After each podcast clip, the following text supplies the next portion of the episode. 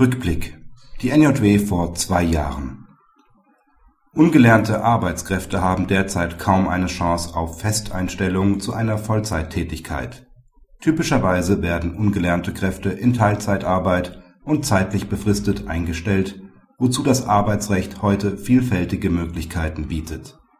So beschreibt das OLG Frankfurt am Main seine in einer Vielzahl von Unterhaltsverfahren gewonnenen Erkenntnisse in Heft 6 von vor zwei Jahren (NJW 2007, Seite 382).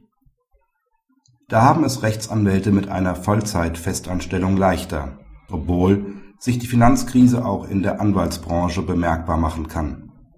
Stefan Lingemann und Henrike Winkel erklären im aktuellen Heft in unserer neuen Rubrik Kanzlei und Mandat, was man über den Anstellungsvertrag eines Rechtsanwalts wissen sollte.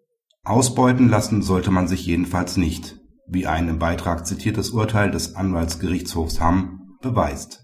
Ein Grundgehalt von 1000 Euro brutto muss sich ein Berufseinsteiger wegen Sittenwidrigkeit nicht bieten lassen